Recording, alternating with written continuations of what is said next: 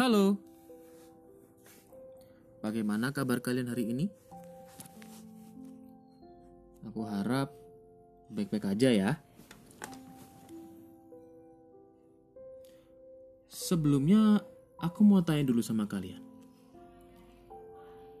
Kira-kira kalian punya nggak seseorang atau beberapa orang yang maybe gak suka sama kalian? Entah nggak suka sama kebiasaan kalian, atau sama sifat-sifat kalian, atau sama hal-hal yang sedang kalian kerjakan. Lalu mereka mulai ngomongin kalian dari belakang atau ngejulitin lah istilahnya. Mereka mulai membuat berita-berita yang kurang baik tentang kalian dan menyebarkannya ke orang-orang sekitar mereka. Dan pada akhirnya, orang-orang pun percaya sama berita itu dan mulai memberikan jarak kepada kalian. Kalian punya nggak? Kalau aku sih punya. Gini ceritanya. Waktu itu ada beberapa orang yang nggak suka sama aku. Dan mereka mulai ngejulitin aku. Mereka bikin berita-berita yang kurang baik tentang aku dan berita itu disebarkanlah ke semua orang. Saat itu aku bener-bener belum sadar banget. Belum sadar kalau ada orang-orang yang nggak suka sama aku dan ada berita yang kurang baik tentang aku, aku belum sadar. Sampai pada akhirnya di satu hari aku heran dan bingung. Nih orang-orang kenapa ya kok mereka ngasih jarak ke aku? Aku ngerasanya ada jarak sama mereka. Mereka kayak ngejauhin aku, mereka kayak membatasi perbincangan mereka sama aku. Intinya mereka kayak ngasih jarak lah sama aku. Nah, aku tuh kepo. Dan mulai bertanya-tanya. Kenapa kok bisa kayak gini? Sampai pada akhirnya salah satu temanku ngasih tahu kalau ternyata ada beberapa orang yang gak suka sama aku dan mereka bikin berita-berita yang kurang baik. Dan akibatnya itu tadi aku jadi jauhin dan namaku juga jelek di mata orang-orang kalian tahu perasaanku gimana saat itu waktu itu aku bener-bener kaget banget dan perasaanku saat itu ya sedih, ya marah, ya kecewa, semuanya lah. Campur aduk jadi satu kayak nano-nano. Rame rasanya dalam pikiranku. Dan respon yang kupilih saat itu sangat-sangat buruk. daripada aku datengin mereka yang gak suka sama aku, yang bikin berita kurang baik sama aku dan akhirnya namaku jadi jelek dan aku dijauhin oleh orang-orang, lebih baik aku memendam perasaan marah, sedih, kecewa yang nyampur aduk jadi satu di pikiranku. Aku lebih baik memendam itu semua sendiri.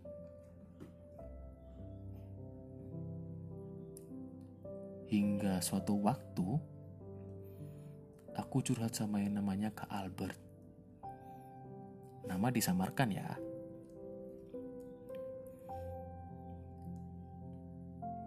Kak Albert ini adalah orang yang sudah kuanggap seperti kakakku sendiri. dan dia ngasih tahu aku kalau respon yang aku pilih sangat-sangat tidak baik buat sama tidak baik sangat buat aku. Dan dia ngasih beberapa nasihat dan solusi. Awalnya aku bener-bener gak setuju sama solusi yang dia kasih. Jujur gak setuju. Karena berat banget ya. Buat aku terlalu berat buat aku. Tapi setelah mendengar nasihat dari Kak Albert yang dia kasih dan support dia buat aku akhirnya aku nurut coba ngelakuin solusi yang dia kasih. Kalian pengen tahu nggak solusi yang Kak Albert kasih buat aku? Nih aku kasih tahu ya. Yang pertama memaafkan. Memaafkan mereka yang udah nyakitin kamu. Wah jujur awalnya aku berat banget buat ngelakuinnya karena aku harus maafin orang-orang yang udah nyakitin aku yang udah nyebarin berita kurang baik tentang aku yang akhirnya aku jadi dijauhin oleh banyak orang dan namaku juga jelek. Jujur aku awalnya berat banget buat ngelakuinnya. Kayak buat apa sih kak? Kenapa sih kak aku harus ngaku aku harus ngelakuin hal ini? Aku harus maafin mereka. Tapi Kak Albert selalu support aku dan ngasih tahu, nggak apa-apa, maafin aja. Nanti kamu juga tahu akhirnya kayak gimana. Akhirnya aku mulai menuruti kata-kata Kak Albert dan mulai memaafkan perbuatan mereka meskipun pelan-pelan, perlahan secara perlahan.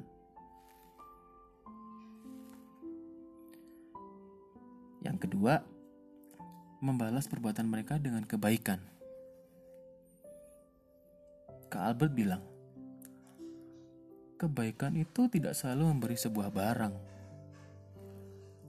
Hal-hal simpel pun bisa dilakuin.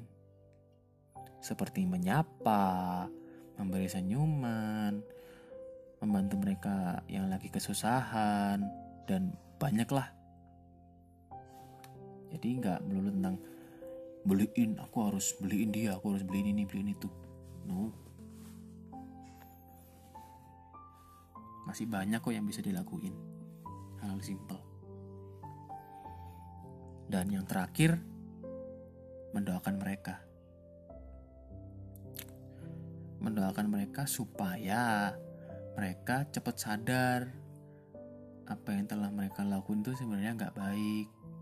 Dan berharap supaya tindakannya tidak terulang lagi kepada orang lain. Jujur buat ngelakuin itu semua awalnya aku berat dan susah. Tapi aku mencoba buat menurut dan memang butuh waktu yang nggak sebentar cukup lama, tapi kalau kita punya kemauan dan keyakinan yang kuat untuk memiliki kehidupannya yang lebih baik dan menjalin hubungan yang baik juga,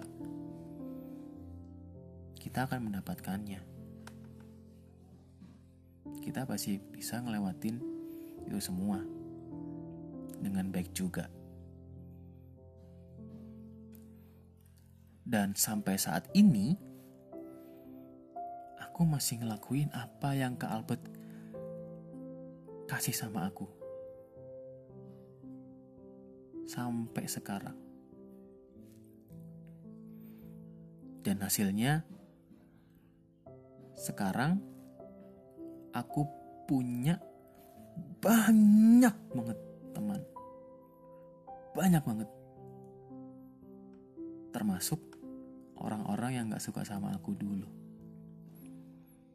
Keren gak tuh?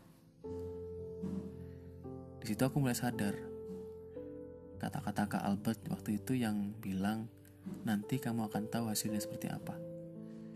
Ternyata ini hasilnya. Aku jadi punya banyak teman, hubunganku sama teman-teman yang gak suka sama aku jadi lebih baik, dan bahkan teman-teman yang gak suka sama aku dulu sekarang jadi temanku. Kebayang gak tuh kerennya gimana? So, buat kalian yang mungkin memiliki pengalaman sepertiku dan mungkin kalian-kalian masih belum tahu nih apa yang harus kalian lakuin. Kalian bisa ngikutin saran yang diberikan ke Albert sama aku.